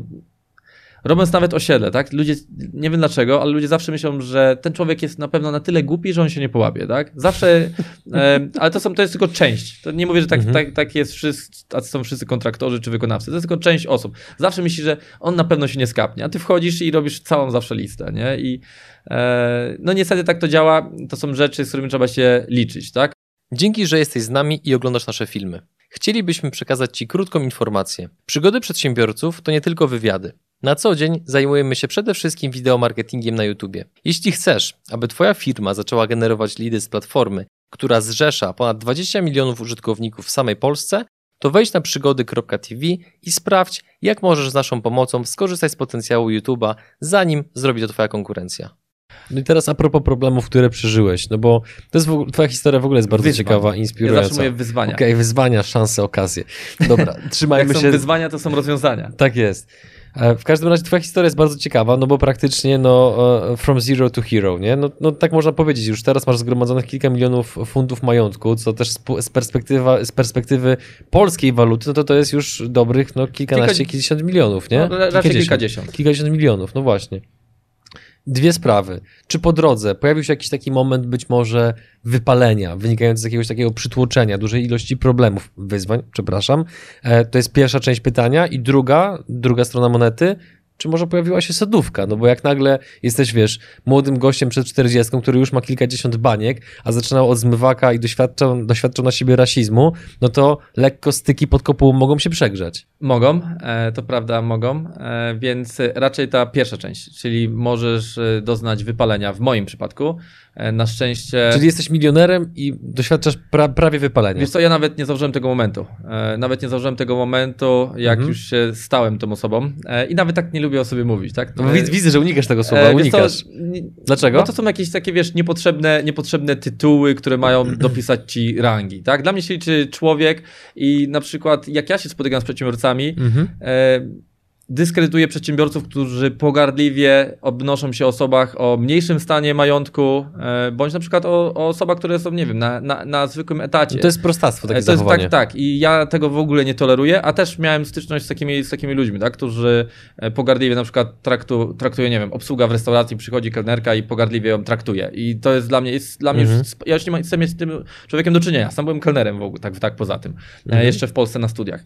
Więc e, to się dla mnie liczy. Człowiek, e, jakie ma podejście, jaki, jaką ma moralność, tak? E, to jest dla mnie naj- najważniejsze. A jeżeli chodzi o moje wypalenie, takie Mhm. wypalenie pierwsze się pojawiło jak odszedłem z etatu. Ja już y, będąc na etacie w drugiej firmie, e, to była taka firma stalowa MTL Advance w Rotterdamie, e, nie Rotterdamie w, Holandii, tylko Rotterdam u nas w Yorkshire, mała taka mieścina. I celem było zrobić wszystko, by odejść z etatu. Więc próbowałem podnajmu, ale nie nadawałem się do tego, bo jeszcze przyjechałem z taką naszą polską szczerością, bo tak zawsze mówię, trzeba być szczerym, trzeba być szczerym. Ta szczerość, słuchajcie, nie daje. Co ci da szczerość, jak idziesz rozmawiać z Azjatą czy z Brytyjczykiem mówisz, ty, ten dom to jest tak straszny, że ja nie chciałbym, żeby moje koty i psy tutaj mieszkały, a co dopiero mam to ludziom wynająć, zróbmy z tym porządek. No to nie jest dobra szczerość, tak? Więc y, mój poziom negocjacji jest mój, jest mój więc mój poziom negocjacji. Szanuję. E, mój poziom negocjacji był e, tragiczny, tak? Bo to był taki nasz Mhm. typowo e, polski taki patriotyzm, my wam wszystkim pokażemy i powiemy i na siłę wam udowodnimy. To nie jest dobre. Mhm. Trzeba nauczyć się tego języka bardziej takiego miękkiego. Ja mogę tutaj wam podzieli, y, po, polecić książkę Dale Carnegie, Jak zjednać sobie ludzi i przyjaciół. Może pomyliłem końcówkę Jak zdobyć tytułu. przyjaciół Jak zdobyć zjednać przyjaciół, sobie zjednać ludzi. sobie ludzi. Świetna tak, książka. Zgadza się.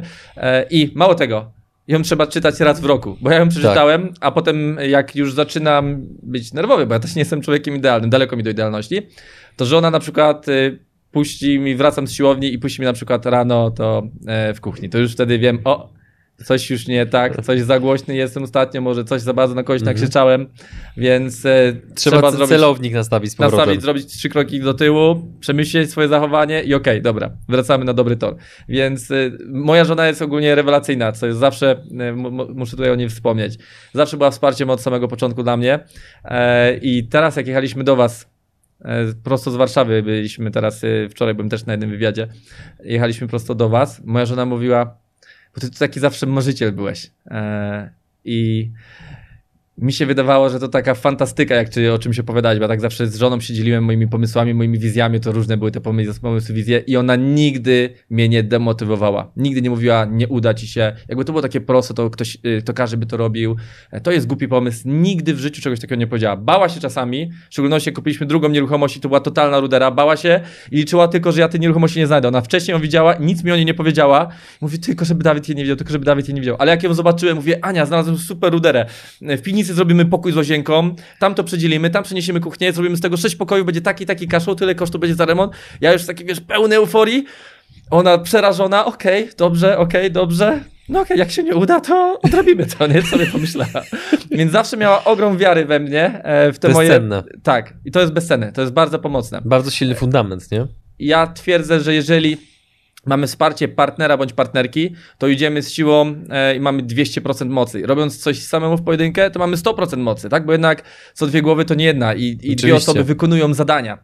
E, jeżeli mamy partnera bądź partnerkę przeciwko sobie, to w zależności od tego, jak bardzo toksyczne to jest, to mamy wydajność między 50 a 25% z tego, co byśmy mogli mieć samemu. Mhm. E, No bo w ten więc- sposób tracisz taką bezpieczną przystań, którą masz w domu. Tak. Normalnie byś wrócił, jeżeli masz wsparcie, tak jak ty masz Tak w postaci swojej małżonki, czy ja w postaci swojej narzeczonej, no to wracasz, podzielisz się swoimi jakimiś obawami, wątpliwościami, ona cię pokrzepi, powie dobre słowo i odzy- odzyskujesz momentalnie siły. Oczywiście. A gdyby wbiła kołek na zasadzie, mówiłam, że tak będzie, Tak. wiedziałem, że ci się Nigdy nie mi uda. tak nie powiedziała. No do właśnie. dzisiaj. Do dzisiaj jesteśmy z sobą już e, kilkanaście lat. Do dzisiaj nigdy mi tak nie powiedziała, że Mhm. ani mówiłam, mówiłem ci, że się tak stanie. Nigdy mi tak, czegoś takiego nie powiedziała e, i za to bardzo ją szanuję i ją, ją kocham. To jest ogromne, ogromne wsparcie i dalej ta żona mnie e, potrafi mnie motywować. Mało tego, ona jest w moim biznesie. Jak tylko dzieci podrosły na tyle, że mogliśmy zatrudnić e, pomoc domową, która Mhm. mogła zawozić, przywozić dzieci do szkoły, mm, sprzątać, gotować, zajmować się po prostu U takim... przedsiębiorców to jest normalne. Tak, za- zajmować się naszym domem. Mhm. E, Żona na, e, od razu wróciła do biura i zaczęła się pracą biurową, administracją, to czego ja bardzo nie lubię. Czyli siedzenie, odpisywanie na wszystkie maile, e, przeglądanie dokumentów od prawnika, księgowego, doradcy kredytowego e, i na szczęście ona już wszystko wypełni i da mi tylko tutaj podpisz, tutaj podpisz, tak? Mhm. I to ja tam podpiszę, okej, i wszystko przychodzi na moją żonę. Taki Mhm. już żart. Więc e, ludzie mówią, o, trzeba przeczytać wszystkie dokumenty, bo nigdy nie wiesz, co się stanie. Jeżeli jesteś uczciwy, ja jestem uczciwy wobec żony, e, ja ją kocham, widzę, że ona też kocha, to po prostu czujesz, tak? To ja się czuję też z nią bezpiecznie i nigdy bym nie pomyślał o tym, że mi jakiś lewy papier podsunie. Mhm. Więc to jest też e, kwestia dużego bardzo e, zaufania. To jest, to jest po prostu e, ogromne wsparcie. Ja miałem to wypalenie, gdy odchodziłem z etatu, bo moim celem właśnie było to odejść z etatu. Odszedłem z etatu. Mówiłem już prawie rok wcześniej w firmie, mówiłem, że odejdę I policzyłem sobie, że tak, ten dom kupię, zrobię refinansowanie, ten kupię, zrobię refinansowanie, e, tu już następny znajduję, to powinienem się zmieścić w tym czasie, że na, na kwiecień powinienem odejść z pracy. E, miałem małe obsunięcie, bo przez prawnika kupowałem dom przejęty przez bank, on się nie wyrobił, ktoś nas przebił. To było na takiej zasadzie, że to jest na rynku i do momentu, kiedy nie dostaniesz kluczyk, w każdej chwili możecie przebić. To była wina mhm. mocno prawnika. Więc dwa miesiące straciłem i o dwa miesiące później odszedłem z tego tatu, to w pracy nie wyżyli po prostu. Nikt normalnie nie przychodzi i ci nie mówi, słuchaj, bo mam taki plan i za rok czasu odchodzę. no brzmisz jak wariat i tak, tak trochę traktowali, jak takiego wariata. E, I rozmawiałem z menadżerem i mówi, dobra Dawid, no tak żarty żartami, jak już było, liczę, że okej, okay, zaraz będzie ten remortgage, ostatnie już te nieruchomości, którą potrzebuję, żeby dojść z etatu, e, więc jeszcze miesiąc czasu potrzebuję. I przychodzi do mnie menadżer i pyta, Dawid, kiedy odejdziesz e, z etatu? Bo tak dużo o tym gadasz, ty naprawdę odejdziesz z etatu? Ja mówię, tak, naprawdę, naprawdę, Lee, naprawdę odejdę. A kiedy masz zamiar odejść? Powiedz mi chociaż miesiąc przed. Ja mówię, ja ci mówię od roku. No ale dobra, jak już będziesz wiedział, to miesiąc przed. Ja mówię, no to odchodzę. Ale jak odchodzisz? No mówię, no za miesiąc odchodzę. No teraz robię remortgage i za miesiąc już odchodzę. Ale jak za miesiąc? No mówię, no, no Li, normalnie, no przecież mówię ci od roku. Od roku ci mówię, żebyś sobie przygotował człowieka e, na moje miejsce i zaraz następnego dnia było zebranie, e, menadżer, dyrektor, to już druga firma była rewelacyjna. E, ogólnie polecam wam Anglię, jeżeli chodzi, jeżeli jesteście ambitni, macie aspiracje.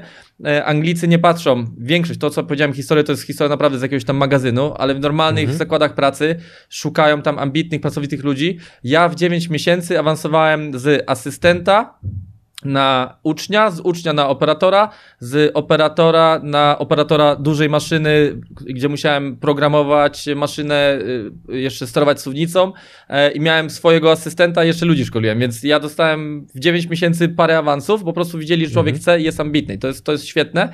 I zaprosili mnie do biura. Przyszedł sam dyrektor i ten menadżer.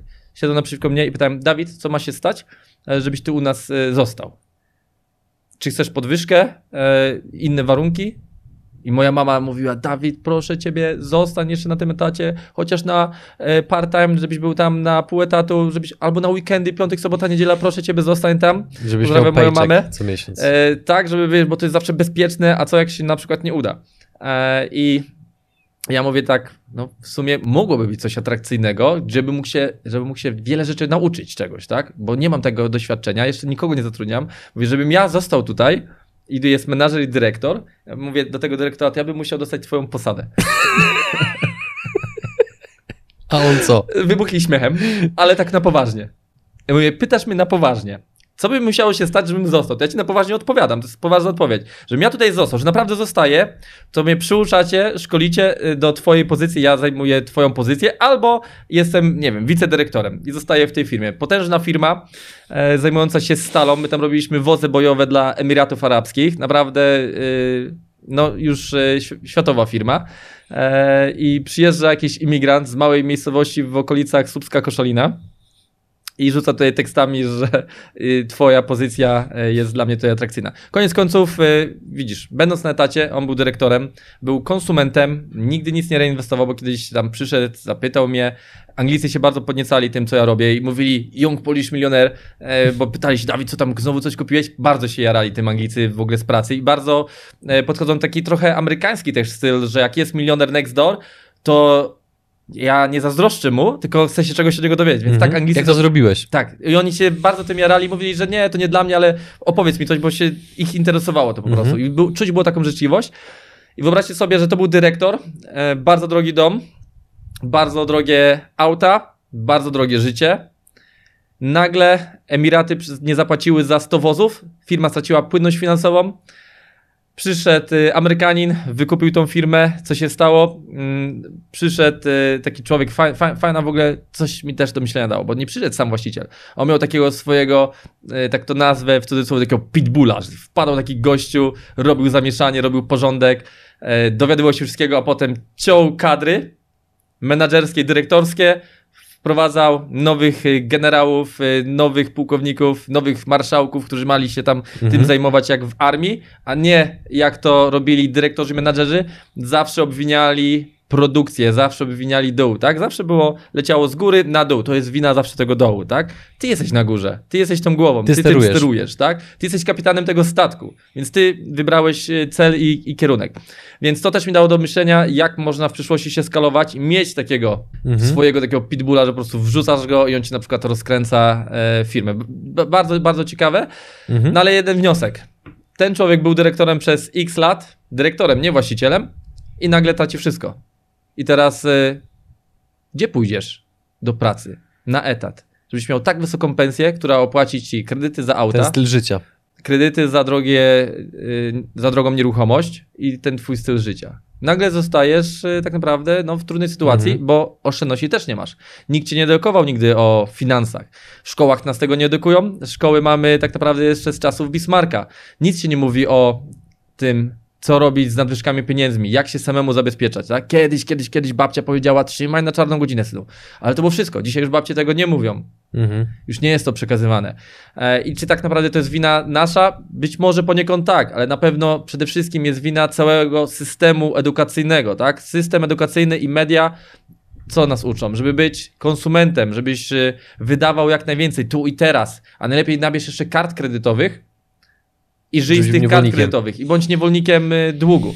Więc y, Natomiast łatwiej zmienić swoje postępowanie niż system, więc Tak. pytanie, biorąc pod uwagę to, że ty nie wywodziłeś się z zamożnej rodziny, tylko do wszystkiego doszedłeś własną pracą, skąd ty brałeś wiedzę, ale poproszę cię o jakieś konkrety i, i specyfikę, bo to, że Tak. brałeś ją z YouTube'a, to jest zbyt ogólna odpowiedź. jeszcze Więc- YouTube nie był tak No właśnie, więc powiedz mi konkretnie, skąd ty brałeś wiedzę i skąd ją bierzesz do dzisiaj. Okej, więc e, będąc na tym magazynie, ja stwierdziłem, że muszę wyjść z tego tatu, że ja dłużej tak nie wytrzymam. E, I przyjechałem do Polski, do Empika. E, wyobraź sobie, że rok czy tam dwa lata później przyszedłem do tego człowieka, jak już na etacie nie byłem. Trzy osoby stały, tam był taki ekspedient. Ja go zapytałem, proszę pana, potrzebuję jakiejś biznesowe książki. Ja wiedziałem, że ja muszę wyjść, ale nie wiedziałem, co mam zrobić. Miałem jakiś tam pomysł, że może auta ściągać do Polski. E, Inny raz miałem pomysł, żeby borówki e, zacząć hodować i sprzedawać je bezpośrednio do Niemiec, do Holandii. Nawet kupiłem dwa hektary ziemi, do które do dzisiaj mam. Więc pojawiały się jakieś falstarty. E, Sklep monopolowy przy akademiku, które nie, nie wyszły, tak? Nie wyszły przy starcie. To I- była, ale to była część twojej drogi. One, Tak, to była one, część one widocznie drogi. musiały nie wyjść. Tak, to była część mojej drogi i stwierdziłem, że muszę zacząć się w tym kierunku edukować. YouTube jeszcze nie był tak rozwinięty, że mogłeś znaleźć sporo kontentu w tym YouTube jak dzisiaj. Dzisiaj jest tego naprawdę masa yy, i trzeba po prostu szukać ludzi. Ja wam tylko polecam, nie you can do it, ok, włączcie sobie na chwilę może Rokiego, jak tam biega po schodach i, i nagle yy, po przegranej walce wygrywa, zostaje mistrzem. Fajne na motywację, czy coś innego, zmotywujcie się, jak tego potrzebujecie, ale yy, szukajcie ludzi, którzy robią to, co robią i przekazują prawdziwy content. Dzisiaj na YouTube możesz. Ja, będąc w tym Empiku, zapytałem tego człowieka, że potrzebuję parę książek, e, które on by mi mógł polecić, biznesowych, że ja chcę robić coś biznesowego, ale jeszcze nie Mhm. wiem co. I on mi wtedy podał bardzo popularną, bardzo popularną książkę Roberta Kiyosego, Kiyosakiego. Klasyka. Klasyka, tak. Bogaty i biedny ojciec. Ktoś mówi, Dawid, ale ja to czytałem, co ty mi tu mówisz i nie podziałało. Ja mówię, no na ciebie nie podziałało. Dla mnie to było coś nowego. Całe moje otoczenie mówiło, że się nic nie da, że wszystko e, jakby było takie proste, to każdy by to robił.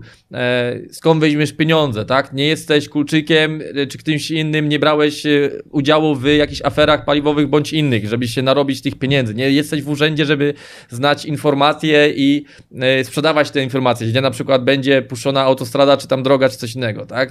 Więc wszystkim się z mojego otoczenia to kojarzyło, żeby się dorobić, to albo się trzeba nakraść, albo trzeba mieć kontakty. Więc e, mi bardzo pomógł wyjazd do Anglii, e, chociaż e, no, wiele z tych osób do dzisiaj szanuję. E, to po prostu są ludzie, którzy nie mają edukacji tej finansowej, nie mają wiedzy, a się wypowiadali w tych kwestiach. Więc y, no, oni być może chcieli i dobrze dla mnie, tak? Ale na szczęście ja wyjechałem do tej Wielkiej Brytanii, nie miałem otoczenia, które cały czas mi gdzieś tam e, szumiało, że się nie da. I mi ta książka bardzo pomogła.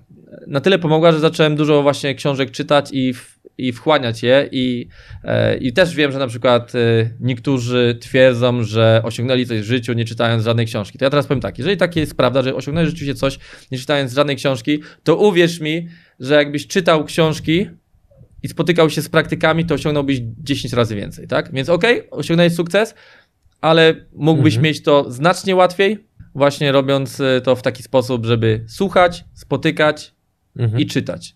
No i teraz kolejny wątek, wynikający bezpośrednio z edukacji finansowej. Słowo dywersyfikacja, modne, popularne, na tyle często, że momentami mam wrażenie, że wręcz jest wytarte. U ciebie ta dywersyfikacja realnie zachodzi.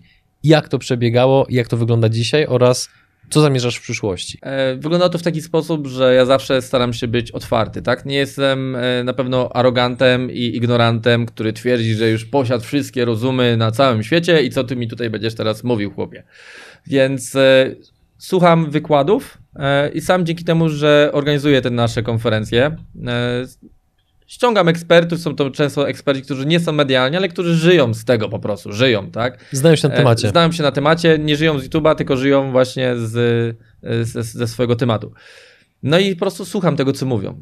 E, I robią to w taki sam sposób otwarty jak ja. Też pokazują Excel, też pokazują liczby, też pokazują swoje ruchy, tak? E, ja nie wiem, dlaczego na przykład ktoś ma problem na wizji, jak ty zapytasz, ok, to podaj mi przykład. W co zainwestowałeś ile i ile wyściągnąłeś z kapitału? To bym wolał zostawić dla siebie. Ale dlaczego? Z czym, czym masz problem? Robisz coś nieuczciwie, nielegalnie, zalegasz z podatkiem, no wiesz, jak jesteś e, uczciwy i robisz to i nie musisz się o nic martwić, dlaczego nie możesz się z tymi liczbami podzielić? Ja czegoś takiego nie rozumiem i do mnie w ogóle takie coś nie trafia, mhm. tak? W ogóle takie coś do mnie nie trafia. Przez to, że te osoby mają podobny mindset do mojego, też są bardzo otwarte, o co nie zapytam, to powiedzą albo pokażą. Człowiek e, zaczyna rozumieć, jak to działa, tak? I dzięki temu też dywersyfikuje. Ok, dalej lwią część inwestujemy w te nieruchomości, ale dlaczego nie zaryzykować częścią tego kapitału i go ulokować e, w, e, w, inne, w inne na przykład dziedziny. Jeżeli chodzi załóżmy o srebro, złoto, to tam się czuję bardzo bezpiecznie, ale tam jest bardzo małe ryzyko. To tak? są proste aktywa, zrozumiałe, tak, tam nie ma tak. rocket science. Równie dobrze możesz kupić ołów, miedź, stal e, i też ją gdzieś tam trzymać, żeby, tak, surowce. E, mhm. i, I też później je sprzedać z zyskiem, jak te surowce pójdą do góry. Więc to jest bardzo proste. E, jeżeli chodzi o kryptowaluty, to już więcej jest spekulacji. To troszeczkę też jest adrenalina, e, na pewno jakieś też podniecenie, tym bardziej, że ja cały czas czekałem na ten kryzys, kiedy on przyjdzie. Jest ten kryzys. I cały czas mówiłem o tym, że trzeba go wykorzystać, więc staram się go też wykorzystać. Jeżeli chodzi o same nieruchomości, nie spodziewałem się, że to będzie taki kryzys, że nas zamkną, że będzie lockdown i nie spodziewałem się takiego kryzysu, że zrobią ekstremalny dodruk pieniędzy, zrobią inflację, i te nieruchomości zamiast spadać, na co ja liczyłem, e, poszły mocno do góry, tak? Gdzie Wcześniej mogliśmy negocjować, nagle nieruchomość się pojawia na sprzedaż i jest 20 chętnych. Dalej mamy masę naszych metod, już taki bardziej na poziomie zaawansowanym, gdzie bezpośrednio kupujemy od y, ludzi te domy i nie w taki sposób, że wyśli ulotki. Ulotki są tak oklepane e, i na tylu szkoleniach były sprzedane, że tych ulotek jest milion i nikt ich nawet już nie czyta e, tylko po prostu znajdowanie konkretnych opuszczonych ruin, dochodzenie e, przez rządowe strony, gdzie jest właściciel, kontaktowanie się z tym właścicielem, przedstawianie mu takiej oferty bezstresowej dla niego, że raz, że dostaniesz pieniądze, my się wszystkim zajmiemy i będziesz miał e, ten domek, który jest dla ciebie może uciążeniem z głowy. Więc to jest bardzo fajne i my na przykład bardzo e, dużo nieruchomości kupujemy poza w ogóle marketem, poza, poza rynkiem. Moi absolwenci również robią to, to samo, więc tak naprawdę w każdej sytuacji dalej możesz, możesz, możesz inwestować, więc nawet jak te nieruchomości mocno poszły do góry, My dalej inwestujemy. Macie dalej... swoje sposoby. Tak, bo długoterminowo ja liczę, liczę na ten kryzys. Często takie komentarze padają, jak ludzie słyszą, jest gość od nieruchomości. Zobaczysz, przyjdzie kryzys 2008, tak jak w 2008-2009. Super, o to właśnie chodzi. Bo wtedy złe kredyty się wysypią. Się wysypią, tak. E, I to nie jest super dlatego, że ja się cieszę z ludzkich tragedii, że ludzie tracą nieruchomości, bo to jest, to jest niestety wada tego. To jest wada systemu, dlatego że system nie adekuje ludzi finansowo. Nie mówi, słuchajcie, kryzysy są cykliczne. Nie masz takiego przedmiotu w szkole finansowego, gdzie wyjdzie pan wykładowca i powie, pamiętajcie dzieci, że kryzys jest cykliczny. Pojawia się co 8 lat, y, co 7, co 10, w zależności od tego, jaką mamy sytuację daną na świecie. Więc bądźcie gotowi na niego, bo za waszego życia przynajmniej poznacie takich kryzysów parę. Nikt takiego czegoś nie mówi. Bądźcie gotowi, a w jaki sposób mamy być gotowi, panie nauczycielu? Zaoszczędźcie sobie trochę pieniędzy, może kupcie jakąś akcję Coca-Coli czy czegoś innego, e, która nie ma dużych skoków, dużych wzrostów, mhm. ale jest, nie wiem, jakaś stabilna. Przykładowo teraz tak rzucam. Jasne. E, to nie jest porada inwestycyjna. To nie jest porada inwestycyjna. Nic, co ja tutaj mówię, nie jest porada inwestycyjna. Mówię tylko o przykładach. Więc nie ma takiego przedmiotu, tak? I wtedy pojawia się sytuacja, ludzie żyją, bo mamy hossę, żyją na wysokim poziomie, na kartach kredytowych, wysypują się, te domy też się wysypią wtedy na rynek. I to jest czas dla tych, którzy się edukowali finansowo, teraz się kumuluje, tak? Niestety to jest prawda, że w kryzysach bogaci są coraz bogatsi, a biedni są coraz biedniejsi. I teraz możesz krzyczeć, złościć się, to zróbmy komunę bis, e, zabierzmy wszystko, zróbmy e, tutaj jakieś... Wyrównajmy to. Tak, wyrównajmy to, e, wszyscy niech będziemy równymi, bądźmy równymi. E, jesteśmy, tak jak, się, jak żyjemy, wszyscy mamy te same możliwości w wolnych krajach, Wszystko, wszyscy mamy takie same możliwości. I żyjemy wszyscy równo biednie. Bo wtedy każdy traci motywację. Jak nie jest nic twoje, wszystko jest nasze wspólne, to dlaczego ja się mam starać, skoro widzę, że on się nie stara, tak? To po co Mhm. mam się jest. Tak to działa. Nie działa po prostu. Komuna zwyczajnie nie działa. Więc możemy się denerwować, że ci bogaci stają się bogaci, albo po prostu zacząć się troszeczkę edukować w tym kierunku. Żebyśmy my też lepiej z takiego kryzysu wyszli, tak? Żebyśmy wyszli obronną ręką, mało tego, żeby nasz majątek się powiększył, tak? Więc e, my, jak się tylko kryzys pojawi, to jest czas, żeby skupować.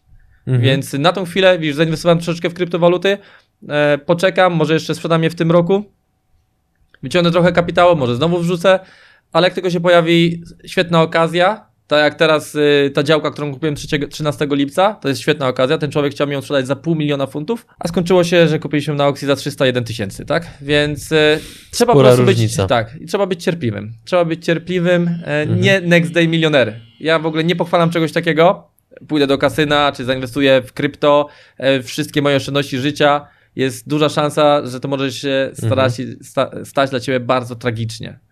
Więc e, po prostu małymi kroczkami, małymi łyżeczkami, ale cały czas do przodu, cały czas do przodu. Lata przeminą, wtedy się obejrzysz za siebie i powiesz, było warto. Było warto cały czas stabilnie to wszystko budować. Powoli zbliżamy się do końca naszej rozmowy. No i teraz, kiedy, kiedy rozmawialiśmy o dywersyfikacji, rozmawialiśmy trochę e, o przeszłości, że znając przeszłość, jesteś w stanie w pewnym stopniu przewidzieć przyszłość, no to właśnie jak ta przyszłość u ciebie będzie wyglądała. Zamierzasz budować wieżowce, czy nie zamierzasz? Wiesz co, no e, zależy od ilu pięter klasyfikujemy wieżowiec, więc możemy tu się odnieść do Wikipedii, e, bo ktoś już na, naj, najbliższy nasz projekt mógłby tak też nazwać. Ale no, zamierzam się dalej skalować, tak? To jest coś, co tak naprawdę mnie kręci e, i ostatnio byłem w Polsce i jednym przedsiębiorcą pyta się mnie, często takie pytanie dostaję, Dawid, ale po co ci więcej? Po co, po co masz robić to dalej? Po co, po co, po Mhm. co? A co ode mnie oczekujesz? Że co ty byś chciał, żebym co ja robił? Żebym usiadł na plaży i patrzał się na tą palmę i patrzał powoli jak ona rośnie, jak daje kokosy i co dalej, tak? I co mam na tej plaży robić, tak? Tak poza tym plaże mnie tak bardzo nie kręcą jak e, zieleń, bardziej wolę, e, wolę zieleń, zieleń mi i, i pory roku typu wiosna, lato, jak to wszystko się rodzi, jak to żyje. Bardzo e, życie na mnie działa motywująco niż lazurowe oceany i morza, ale to jestem ja. Każdy, każdy ma inne Oczywiście. swoje predyspozycje. I dalej po prostu chcę się rozwijać w tym kierunku, tak? Chcę po prostu budować naszą e, markę e, też jako, jako Polak, bo to jest taki mój mały też patriotyzm. Ja byłem chłopakiem, który dorastał w mocno patriotycznej rodzinie, e, gdzie było dużo historii, e, było sporo o, o rozbiorach i zawsze tak myślałem, dlaczego, dlaczego, dlaczego, przecież my jesteśmy takim ambitnym, pracowitym narodem. Mam takie powiedzenie, że e, Polacy to jest naród lwów prowadzony przez dekady przez baranków.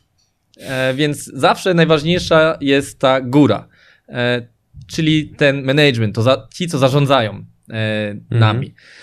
W przypadku Brytyjczyków jest odwrotnie. To są lwy, które zarządzają barankami. No i widać efekty są tego takie, że te lwy w pewnym momencie miały podbite połowę, połowę świata. No tak, tak to po prostu Jakie są fakty? takie są fakty.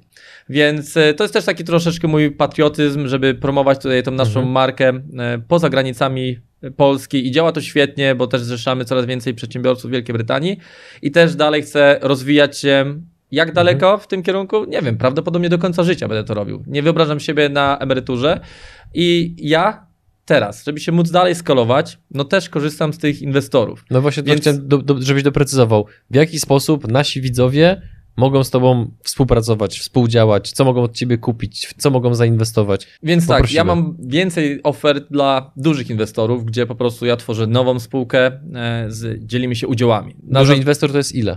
E, duży. Duży bądź nieduży, jakoś może być mały. To znaczy minimalna taka kwota to jest pół miliona funtów, to jest 2,5 miliona e, złotych, Mhm. gdzie ja mając pół miliona bezpiecznie mogę na przykład kupić działkę bądź e, opuszczoną jakąś nieruchomość, Mhm. biurowiec, fabrykę do zburzenia w centrum gdzieś miasta i możemy zbudować blok. I teraz co ja na przykład wnoszę? Taki inwestor, jeżeli nie ma 100% kapitału potrzebnego do zrobienia projektu, on dostanie 30% udziału w tej inwestycji. I dla przykładu ta inwestycja, którą mam teraz w Centrum Sheffield. Ktoś wchodzi z półmilionowym kapitałem, to jest inwestycja, gdzie jest potrzebne łącznie w całości 4 miliony funty do, mhm. do jej wykonania. Ja w tym momencie, dzięki temu, że mam taką historię, jaką mam, w bankach, w ich oczach, jestem atrakcyjnym klientem i oni z chęcią na dobrych warunkach dadzą mi kredyt deweloperski na wybudowanie tego. Ja mam struktury, mam ludzi do wykonania tego, architektów, project managerów. E, to często są ludzie brytyjskiego pochodzenia, lokalni, którzy się po prostu znają na tym, mhm. którzy to robią. I w ten sposób buduję taki projekt, kosztowo, który wyjdzie nas 4 miliony funtów łącznie, a on będzie wart, załóżmy, w po dzisiejszych cenach 9 milionów, załóżmy ceny spadną, to będzie wart 6 milionów nawet, tak? I tak jesteśmy do przodu. Ten człowiek nic nie musiał zrobić poza wyłożeniem tego kapitału. Ja ten kapitał chcę, żebym się czuł bezpiecznie. Nie chcę używać kredytów pomostowych, gdzie biorąc zbyt wiele takich projektów, może przyjść kolejny COVID i będę czekał na pozwolenie z miasta, zamiast miesiąc będę czekał 4 miesiące, a były takie u nas sytuacje że czekaliśmy mhm. znacznie więcej niż ustawowo było na to przeznaczone i wszyscy się tłumaczyli e, COVID-em w urzędzie. Czyli praca z inwestorami jest po prostu bezpieczniejsza dla Ciebie? Jest dla mnie bezpieczniejsza, a ja chcę wszystko budować bezpieczny, wolę się podzielić zyskami, e, ale mam rodzinę, mam dwójkę dzieci i nie chcę, mhm. E, żeby to, żeby iść na krawędzi, na granicy. I w ten sposób ten człowiek niczym się musi zajmować, a taki projekt dla przykładu on ma w nim 30% i taki projekt będzie przynosił zysku rocznie 320 tysięcy funtów.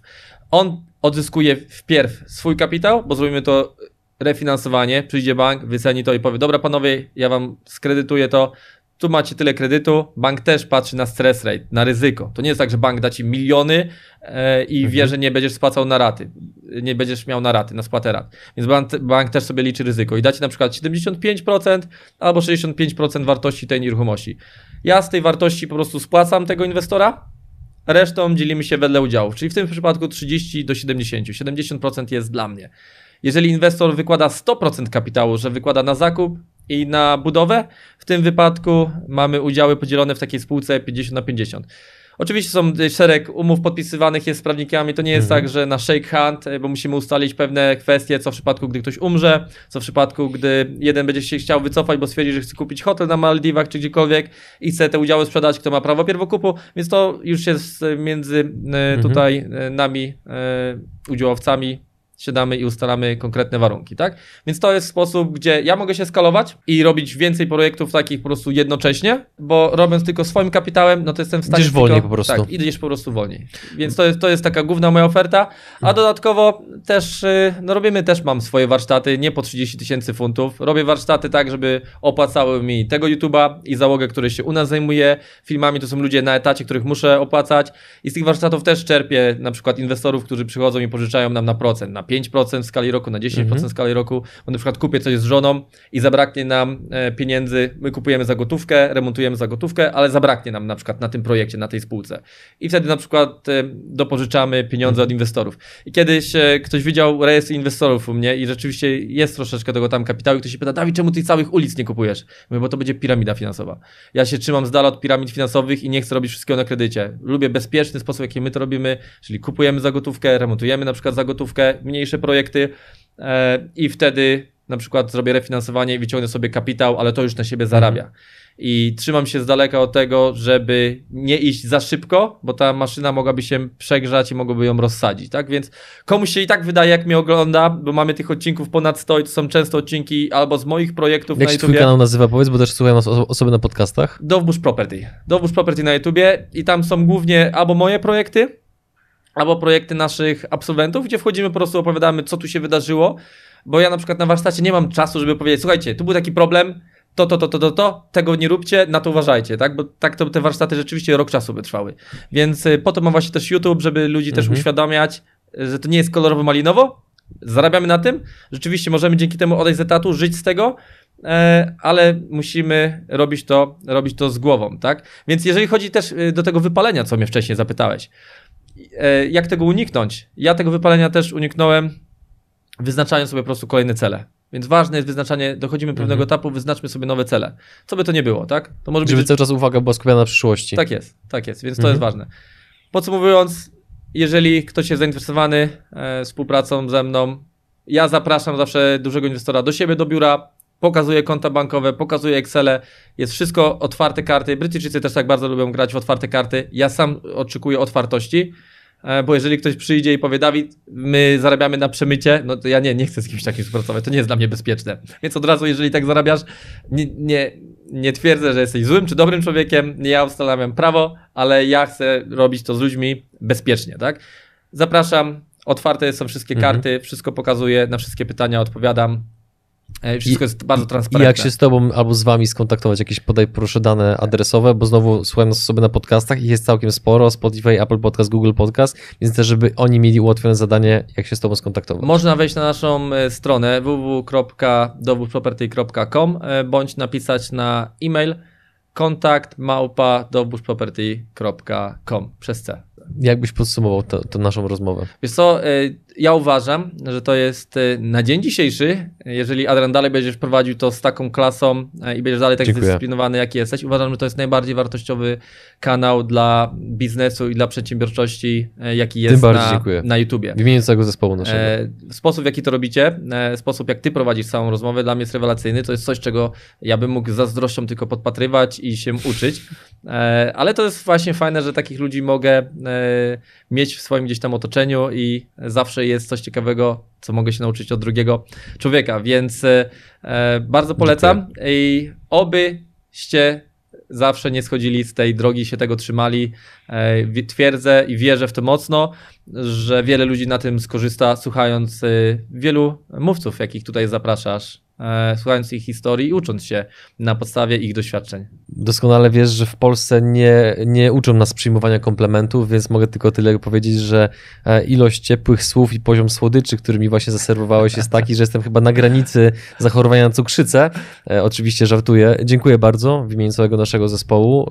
E, Staramy się no i robimy co możemy, żeby robić po prostu dobrą robotę. Też staramy się być transparentni i uczciwi, dlatego świadomie pewnych rzeczy po prostu nie robimy i robić nie będziemy, bo to jest e, droga na skróty nie zawsze jest dobra, najczęściej jest bardzo niekorzystna. Więc e, drodzy widzowie, nie możemy dać braw, więc chociaż dajmy łapki w górę dla Dawida m, pod tym nagraniem. Jeżeli macie jakiekolwiek pytania, to piszcie do Dawida albo bezpośrednio, albo również w komentarzach pod tym filmem. E, A my żegnamy się z wami. Dziękujemy wam za wasz czas. Do zobaczenia w kolejnym odcinku. Cześć. Dzięki Dawid. Cześć, pozdrawiam i życzę samych sukcesów.